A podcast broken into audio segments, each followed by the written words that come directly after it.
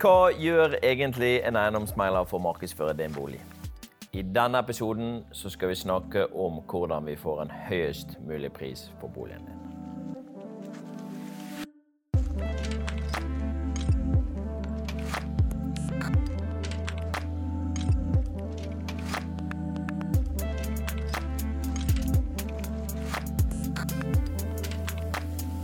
I denne episoden så har vi med oss Sebastian, som er eiendomsmegler i Eie, og Oskar, som skal selge boligen sin.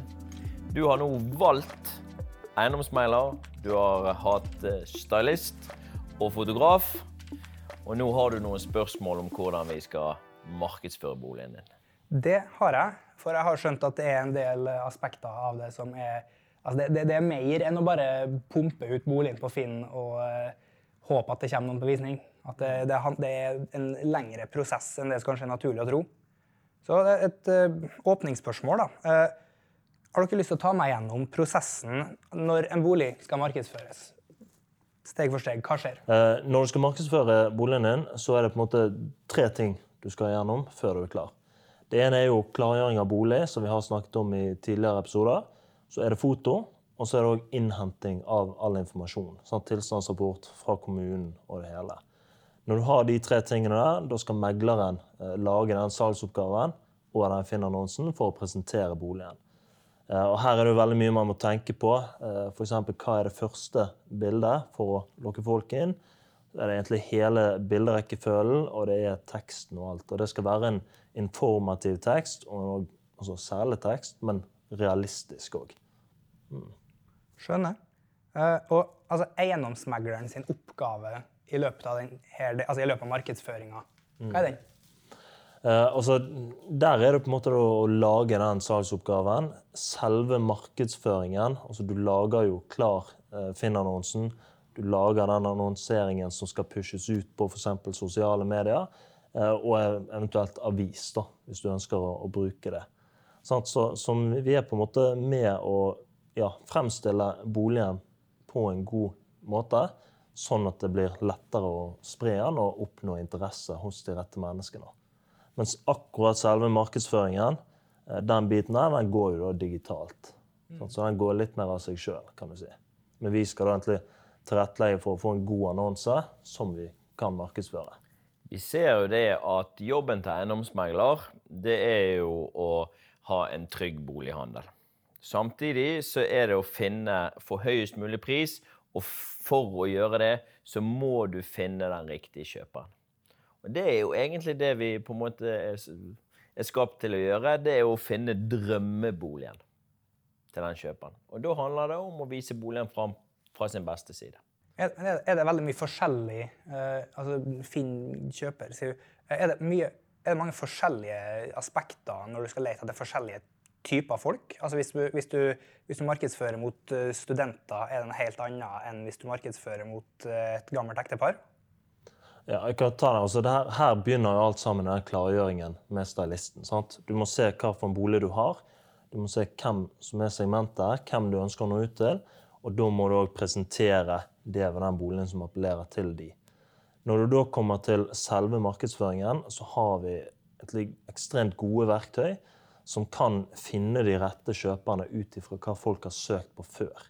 Så da vet vi at okay, denne boligen her, den passer f.eks. til studenter. Da er det gjerne registrert altså hvor gammel de er, om, ja, om det er gutt eller jente, eh, hvor de bor, hva de har søkt på tidligere. Og da har vi verktøy der som egentlig finner de. Så vi må egentlig lage en annonse som appellerer til den gruppen. Og så har vi ekstremt gode markedsføringsverktøy som faktisk kan finne den rette kjøperen for oss. Kult. Mm. Og så er det jo alltid en litt sånn vanskelig eh, aspekt der du altså, må gjerne velge litt mellom å spisse annonsen til én målgruppe, eller å på en måte å være litt bredere. Og Det er en litt sånn tøff dilemma innimellom. For noen leiligheter passer jo egentlig både til unge studenter, men òg til voksne. Skal man utelukke de voksne og kun markedsføre mot de unge? Eller skal man lage en eh, annonse som på en måte favner bredt? Og Det der er jo en av de vanskelige avgjørelsene vi som eiendomsmegler må ta. Eh, salgsoppgave, mm. hva er det? Altså, Salgsoppgaven det er det dokumentet som vi megleren lager, basert på all den informasjonen som vi er pliktet til å hente inn. Så I en salgsoppgave så skal du egentlig klare å lese deg frem til hele tilstanden og alle forhold rundt den boligen som du må vite om før du kjøper. Så der har du egentlig all informasjonen du trenger om det objektet. Helt sånn lovmessig så er vi som eiendomsmegler pålagt til å gi eh, informasjon som en en måte potensiell boligkjøper eh, trenger. Og vi er altså da eh, av lov en måte er nødt til å ha en viss form for dokumentasjon på, den, eh, på de eiendommene vi selger. Så kan vi si at En Finn-annonse det er en slags eh, forenkling av en salgsoppgave? Ja, altså nå, nå har det kommet nye regler på den Finn-annonsen. Før sant, så var det jo veldig mye der, og megler kunne velge litt sjøl hva de ønsket å ha med. Da kom det med veldig mye av det gode, mens resten var på en måte i salgsoppgaven, og der var det veldig få som leste. Nå er vi begrenset til 800 tegn, og da har du mye mindre altså plass til å få frem det du trenger om boligen. Så Finn-annonsen nå den blir litt mer bare sånn en sales pitch. kan du En si. En teaser. Ja, sant? Og der, da blir det enda mer fokus på de bildene, da, kan Ja. du si. Skjønner. Men salgsoppgaven skal jo da eh, forhåpentligvis både være på en måte teknisk viktig, eh, viktig informasjon, og så gjerne òg en, på en, en, en selebit. da. Prisstrategi i boligsalg, hvordan fungerer det? Det kommer litt an på, på hvilken bolig og hvilket marked du er i. Men kan, du kan si at er det en populær bolig og du er i et velfungerende marked, så er det tre ting som er viktig når du skal prise en bolig. Det første er jo at prisen må faktisk være en pris som selger er villig til å akseptere. Ellers er det å regne som lokkepris. Eh, Det andre er jo at det skal være meglers objektive vurdering av boligen ut ifra det markedet vi er i. Og det tredje er gjerne at du bør prise den til altså en pris som mer enn én person er villig til å gi for den boligen. Sånn at du priser deg gjerne ikke til drømmeprisen, men du priser deg et sted der flere faktisk har råd til å kjøpe. Ja, for dere, dere, dere regner liksom ikke med at det blir en budrunde av det? Prisstrategi er egentlig noe av det vanskeligste med det å være eiendomsmegler, og det er òg innimellom kanskje en kunst å regne. Eh, hoved på en måte ytterpunktene, det er en høy pris, drømmeprisen. Legger man ut boligen sin til det, man håper på å oppnå, så kan man risikere at man får veldig få folk på visning. Omsetningshastigheten eh, er lang, sånn at du bruker lang tid på å selge boligen, og at du gjerne er nødt til å gi rabatt. Sant? Folk liker jo rabatt, så det kan jo gjøre det at du får en pris som du likevel kan leve med. Men eh, det er fordeler og ulemper med den strategien. Det andre ytterpunktet er jo å legge det ut på det laveste man kan være villig til å selge for, og òg en objektiv vurdering at dette her er han på en måte minimum verdt. Da vil du få flere folk på visning, en kortere omsetningshastighet, eh, og du kan jo få en sånn budrundeeffekt der man gjerne betaler mer enn det man kanskje egentlig hadde sett for seg i forhånd. Altså Budrunder er et effektivt uh, uh, Ja, det er et peer pressure der som er litt uh, vanskelig å, å, motstå. Samtidig så kan du komme inn i en situasjon der du bare har et bud, og du på en måte er nødt til å selge for. Du er nødt til å selge for noe som du egentlig ikke er kjempefornøyd med. Altså, hvor ofte er man i budrunder? Hvis dere legger ut ti boliger, hvor mange av dem blir en aggressiv budrunde? Det er markeds, eh, eh, markedstilpasset. Ja, det, det blir jo vanskelig å si. Er, det, er det ute i periferien, så, så er det kanskje ikke så ofte. Er det midt i byen med en to- eller treroms leilighet, så er det nok ja, mye oftere. Så det kommer veldig mye an på objektet, veldig mye an på markedet du legger den ut i. da. For tre år siden så var eh, bortimot 70-80% av boligene vi solgte, i en eller annen form for budrunde. Per i dag så er det færre, men eh, det er likevel mulig å få på en måte både budrunder og gode priser. Men det er vanskelig å si før man på en måte ja, altså Den samtalen man må ta med eiendomsmegleren sin. Ok, Men hva er forskjeller i boligmarkedet på to forskjellige tidspunkt? Og hvorfor er det sånn? forskjellene i boligmarkedet altså, hoved, altså, Hovedtanken med boligmarkedet tror jeg at dette er ikke noe fast vare. Det er ikke en gullbar man kjøper. Man kjøper altså da noe mer. En følelse, en drøm, tanker om hvordan livet skal bli. Og eh, siden varen på en måte aldri er helt lik, og de potensielle kjøperne ikke er helt lik, så kan man i teorien da få to helt forskjellige priser på det samme objektet i samme marked. Og Det er jo det som gjør at eiendomsmegling både er vanskelig, men òg viktig. Det som man òg må, må, se på, der er jo litt tilbud og etterspørsel. Der ser man egentlig ganske like tendenser år etter år. At egentlig både tilbud og etterspørsel stiger fra første kvartal egentlig ut til andre. Dupper litt ned i sommer, opp i august, og så ned igjen. Der er det òg veldig mange meglere som anbefaler ja, sant, andre kvartal. Da er det veldig høy etterspørsel, men tilbudet er òg ganske høyt. Så av og til kan man òg være bedre tjent med å gå utenfor det litt altså hete markedet, som man kaller det, fordi det er et mindre altså tilbud. Sånn, det vil si at kanskje det er kun din leilighet og tre andre som ligger ute, med ti interessenter, mot din leilighet og ti andre leiligheter og 20 interessenter. Sånn, forholdet der vil jo variere. Så det å kanskje ikke legge den ut når absolutt alle andre skal legges inn ut, det kan jo faktisk ha noe å si ja, hvor mange som kommer på akkurat din bolig. da. Kan lønne seg å gjøre litt det motsatte av det alle andre gjør? Ja, sant. Gjerne ikke legge den ut uh, i juleferien, men altså et litt annet uh, ja, Jeg tror i hvert fall at en av de største tabbene som mange boligselgere og eiendomsmeglere gjør, det er at de ikke tar hensyn til konkurrentene sine. Mm.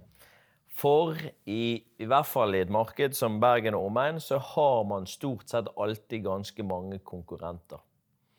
Og da må man se hvordan man ligger i forhold til disse.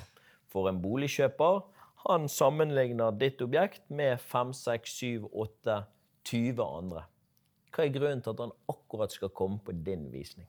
Og det, det kan jo være den klargjøringen du har hatt, eller det kan være pris, f.eks. Så i et, et, sånt marked der det er så mye å sammenligne med, så kan det hende at du bør prise deg enda lavere og ta litt mer risiko der. da. Uh, men altså, hvis du går litt tilbake til markedsføringsbiten av det. Uh, hva annet enn å legge ut boligen på finn.no gjør dere for å få en bolig solgt? Altså, du, du har jo flere markedsføringskanaler. Finn.no er på en måte den hovedbiten. Ja, uh, men der har du òg markedsføring på sosiale medier, sånn som Facebook, Instagram, ja, Snapchat til og med har du begynt å komme på. Og egentlig alle Google Ads sine nettsider. Du har jo Schibsted sine nettsider som nettaviser. Sant? VG og BA og BT. Og så har du egentlig uh, vanlig papiravis. da. Mm. Så du har egentlig veldig mange markedsføringskanaler der du kan finne folk. Du kan jo i teorien eh, lage eh, TV-reklamer òg. Ja da, du, du kan gjøre alt. Altså, det finnes ingen begrensning. Det finnes jo bare Sant? Eiendomsmegleren må gi deg de rådene ut ifra hvor mange penger du har, og hvor mye penger som er fornuftig å vite. Ja, og Her handler det om hvor mye penger skal du bruke, og hvor mye kan du faktisk forvente å få igjen for det. Sant? Det er jo det som er det viktige. altså å printe opp 100 000 papirlapper og putte det i postkassen og bruke 200 000 kroner på det, det er kanskje ikke så fornuftig når du kan bruke 5000 og få samme markedsføring på nettet. Sant? Og så er det et greit poeng, det er det at man kan dele opp potensielle interessenter på en bolig i to. Det er aktive boligkjøpere. Altså det er de som leter aktivt og er på gjerne Finn, og de vil i de fleste tilfeller på en måte være mulig å få tak i. Men så har det òg de passive boligkjøperne som kun kan være interessert eh, når de finner det riktige objektet. Hvordan har du tenkt å få tak i de? For det er jo klart at vi ser jo at én eh, interessent, altså én ekstra budgiver i en budrunde, kan være verdt flere hundre tusen. Bare få én ekstra til, det kan være viktig? Ja, absolutt. Den ene personen kan være verdt flere hundre tusen kroner. Men uh, du snakka om at det finnes mange forskjellige kanaler å gå på. Mm. Uh, er det noe dere tenker mye på når dere altså, uh, Igjen, hvis du går tilbake til at du sammenligner ei bolig eh, ute på Askøy med stor hage versus en eh, potensiell studentbolig i sentrum. Tenker dere mye på det når dere bestemmer hvor dere skal markedsføre? Ja, altså vi, vi gjør jo det. Sant? Veldig mye går jo på, eh, altså på det digitale i dag. Og der, der, har vi ekstremt gode verktøy. og, og Vi bruker finn.no sine databaser. Så alle som har vært innpå der og søkt på eneboliger med hage på Askøy, det er jo registrert. Har vi da en enebolig på Askøy med hage, så vil de få den opp. Sant? Og det samme for studentboliger. Så den markedsføringen ser jo da hvilke bolig det vi faktisk har. Sant? Men det kan jo være altså, litt spesielle objekter der du gjerne må ut i avis. Kanskje det kan være et naust et sted der du faktisk må gå med lapper i, i postkassen fordi det er noen som tenker at jeg hadde kommet et naust, så kunne jeg tatt det. Men de er ikke inne på Finn og ser, de er kanskje ikke inne på Facebook heller og følger med. Sant? Så, så der er det ingen begrensninger. Nei, og det er heller ikke noen fasit. Noen meglere mener jo at avisannonse er på en måte, det må du være med, og markedsføring er i utgangspunktet ikke noe du skal spare penger på. Altså Markedsføring er utrolig viktig. Så er det andre me- meglere igjen som mener det at digital annonsering det er det du får mest igjen for krone, krone for krone. Sant? Hvis du, bruke, hvis du har 5000 kroner du skal bruke i markedsføring, så er det noen som mener du får mest for det i digitalt, mens noen mener at det er risikofylt å skippe f.eks. avisannonser. Min personlige mening er jo det at du må se an objektet, eh, og spesielt da eh, annonser eller på en måte boliger som passer godt. F.eks. voksne folk eh, syns jeg er lurt å ha i avisen. Ja, typisk seniorboliger. Seniorboliger Seniorboliger eller eneboliger som ikke kommer ofte, så ofte til salgs.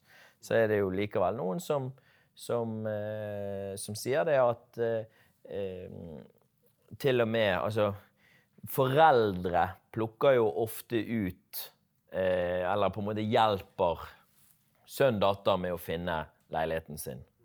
Sant? Og hvis du treffer de i avisen, så kan de gå til sønn datter og tipse om det. Så det er ikke sikkert at en avisannonse på en måte er bortkastet, selv om det er en studentleilighet. Nei, og der, der har jeg personlig erfaring også når jeg skulle finne min første bolig. Da skulle jeg ha hjelp av min far. Han kom nå inn og slang avisen på trynet mitt når han kom hjem og gjerne låste av og sa 'finn noe, kom deg ut'. Så de, er, de følger mye med der også. Og det er, jeg tror det at skal du ha hjelp av foreldrene dine til å kjøpe det, er det et objekt de har funnet, så virker det faktisk som om de er villige til å bruke mer penger på det. Er det noe ungene har kommet med, da er de mer skeptiske av en eller annen grunn. Ja. Liksom det, det altså de har funnet sjøl, det er gull verdt. Fordi de har sett litt avisannonser, og de, de vet hva det går i. Så det er noe merkelig med det der òg. Har vært ute i vinternatt før. Ja, det er akkurat det. sant? Ellers er jo flygeblader òg noe som innimellom blir brukt. Og det finnes jo undersøkelser som sier noe sånt som at eh, folk flytter i løpet av et helt liv under fire kilometer i omkrets. Så hvis man bor i et område, så er man ofte der man er på jakt. Da er det jo ofte sånn at hvis man eh, f.eks. selger en enebolig i et område med mye rekkehus, så lønner det seg å, å gi flygeblader til de som bor i rekkehusene i området. Sant? Ja, det er òg en markedsføring som, som kan vise seg å være kjempeviktig. Interessant. Ja. Og, men jeg, jeg skjønner det liksom sånn at du har, måte, du har finn.no i midten, og så har du på en måte en del andre kanaler rundt. Kan det stemme? Ja, det, det blir jo altså Finn.no er jo i hvert fall eh, per dags dato hovedbasen. da. Uh, altså Frem til uh, kanskje bare noen par år tilbake så var det nesten bare Finn.no avis. egentlig. Eh, mens nå har det blitt mye mer Facebook og eh, Google. Det er jo òg folk som sier at om noen par år så er Finn.no vekke, og det er kun Google. Da går du inn og søker toroms Sandviken, og så finner han. Fins det noe alternativ til finn.no, eller må boliger ut på finn.no? Du har jo alternativer. Det, det er jo andre Det er, nettsider, men altså det er ikke mange. Det er Ikke, ikke gode ikke alternativer. Det Det, har det vært ikke. prøvd, eh, og enn så lenge så vil alle være på finn.no fordi at alle andre er på finn.no. Men det er jo klart det er en del boliger som selges uh, utenfor det åpne markedet. Altså ved at eh, eiendomsmeglere eiendomsmegleren f.eks. har et boligkjøperregister. De vet at noen er på jakt eh, på et sånt objekt. Sant? Så det, det er klart, Og det òg er jo markedsføring i, i en form. Sant? Ok, og så et gøy spørsmål. Eh, hva er det verste du ser hvis du, hvis, du, hvis du scroller gjennom Finn og ser en boligannonse? Altså, det, det som jeg syns er det verste, er jo disse tekstene til enkelte meglere. Eh, det som har vært mye av før, når det var lengre Finn-annonser, det var jo altså, en, en sånn tekst med bare superlativer. Og du kunne lese alt det, men du var ikke noe som helst klokere på hva den boligen faktisk inneholdt, eller hva som var standarden. Det er bare sånn at her kan du kose deg med et glass vin på terrassen. Eh, Eller samle familien rundt middagsbordet, men det, det står ingenting om når kjøkkenet er fra. eh, Hvilket kjøkken altså det er, eh, om det er rør i rør. Ingenting sånt. Bare liksom beskrive hvor mye du kan kose deg. Og så er det jo en, en dårlig og rotete presentasjon og altså en bilderekkefølge der du bare ikke har peiling på hvor i huset du egentlig er. Sånn At det går fra stue til gang til soverom til kjeller, ut i hage og så inn igjen. At det, det er liksom ikke noe Det ser ut som at de bare liksom samlet og bare Sånn. Der er det. Sant? Det, det liker ikke jeg. Jeg vet ikke om du har noe flere Nei, alternativer. altså i noen altså Det òg er jo vanskelig. sant? For noen liker jo mer skjønnlitterære tekster, altså maler og de tingene der. Og så er det noen som vil ha direkte eh, annonser, altså mer direkte, likevel på en måte fyldige, men som handler mer om den tekniske informasjonen. Og der er folk forskjellige, men det viktige i en annonse må jo med, og så syns jo jeg det at det bør på en måte skrives på en eh, på en måte en En litt særlig måte. litt særlig måte, måte, en Ja. minimum. Ellers så syns jeg jo at det, alt, eller mye av det, bør dras tilbake igjen til de to forrige episodene våre. For det hjelper ikke å ha verdens beste markedsføring hvis det du markedsfører, ser dårlig ut. Sant? Du er nødt til å ha bilder, og du er nødt til å ha måte et objekt som ser fint ut for at noen skal trykke seg inn. Hvis ikke du har et selobjekt, objekt, så kan du jo ha en TV 2-reklame og bruke to millioner på den når hele Norges befolkning som ser den. Men det er ingen som syns at dette her er bra nok til at de vil gå på visning. Dere eier bruker ofte litt sånn spesielle markedsføringsløsninger. Uh, boligvideoer, f.eks. Eller uh, litt sånn særegne fotokonsepter. Jeg har lyst til å fortelle meg litt om det.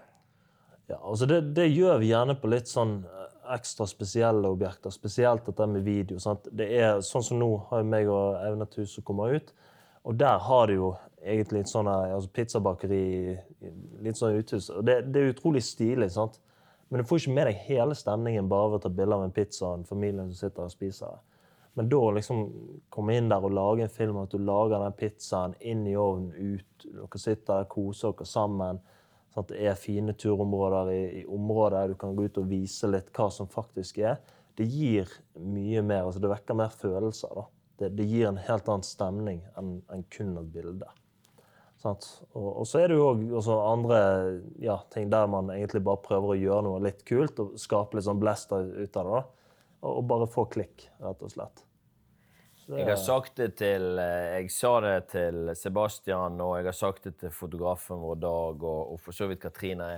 Av og til når du er på en bolig, og det bare føles helt fantastisk bare, du, du kan bare sitte deg ned, det er sol Det er liksom Det er bare deilig å være der. Og jeg skulle ønske at vi på en måte kunne fange den følelsen som, som vi av og til har når vi er på befaring eller på visning, på en god måte. Det er jo egentlig det vi strever etter ofte når vi lager de der boligvideoene. At vi prøver å på, altså vise en eller annen slags følelse som kanskje kan være vanskelig med bilder. Så, med, sånn, så legger vi til lyd, og så, ja, så av og til lykkes vi jo, så av og til ikke.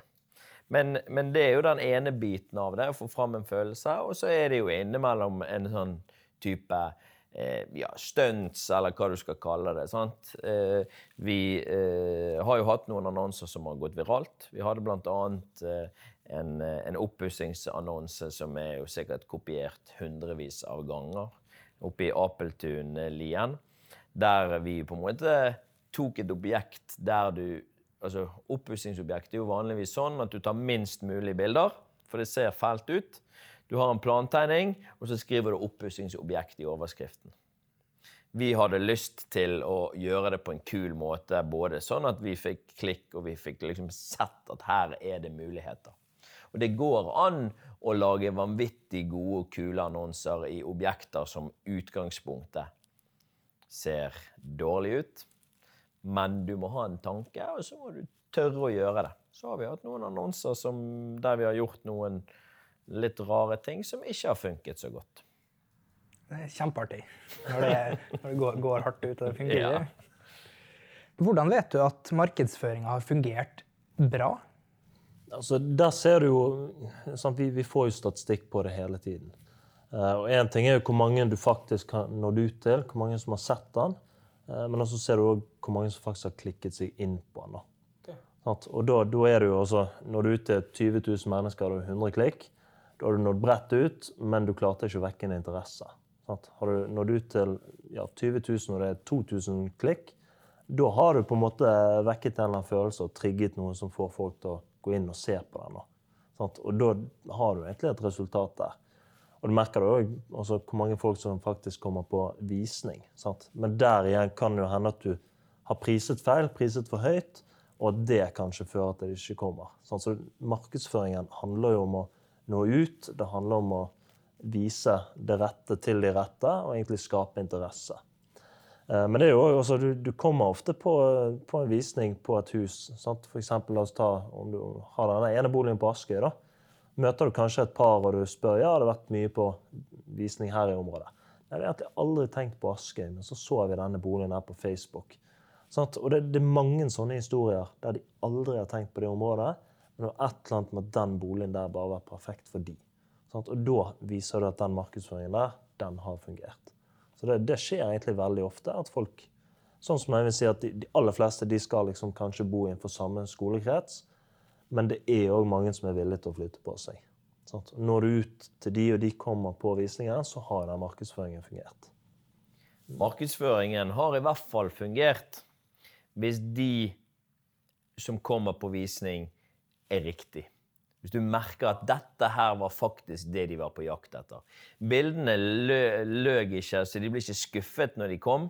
Sant? De hadde gjerne ikke som du sier, de hadde gjerne ikke tenkt på dette området før, men dette her var drømmeobjektet deres. Da vet du at markedsføringen har fungert, og hvis du har mer enn én en av de, så er du jo kanskje i den heldige posisjonen at du kan få til en budrunde. Du sier at uh, dere får en statistikk på hvor mange som har sett, vid, nei, hvor mange som har sett annonsen, og hvor mange som har trykt innpå osv. Uh, når jeg skal selge, får jeg se den statistikken?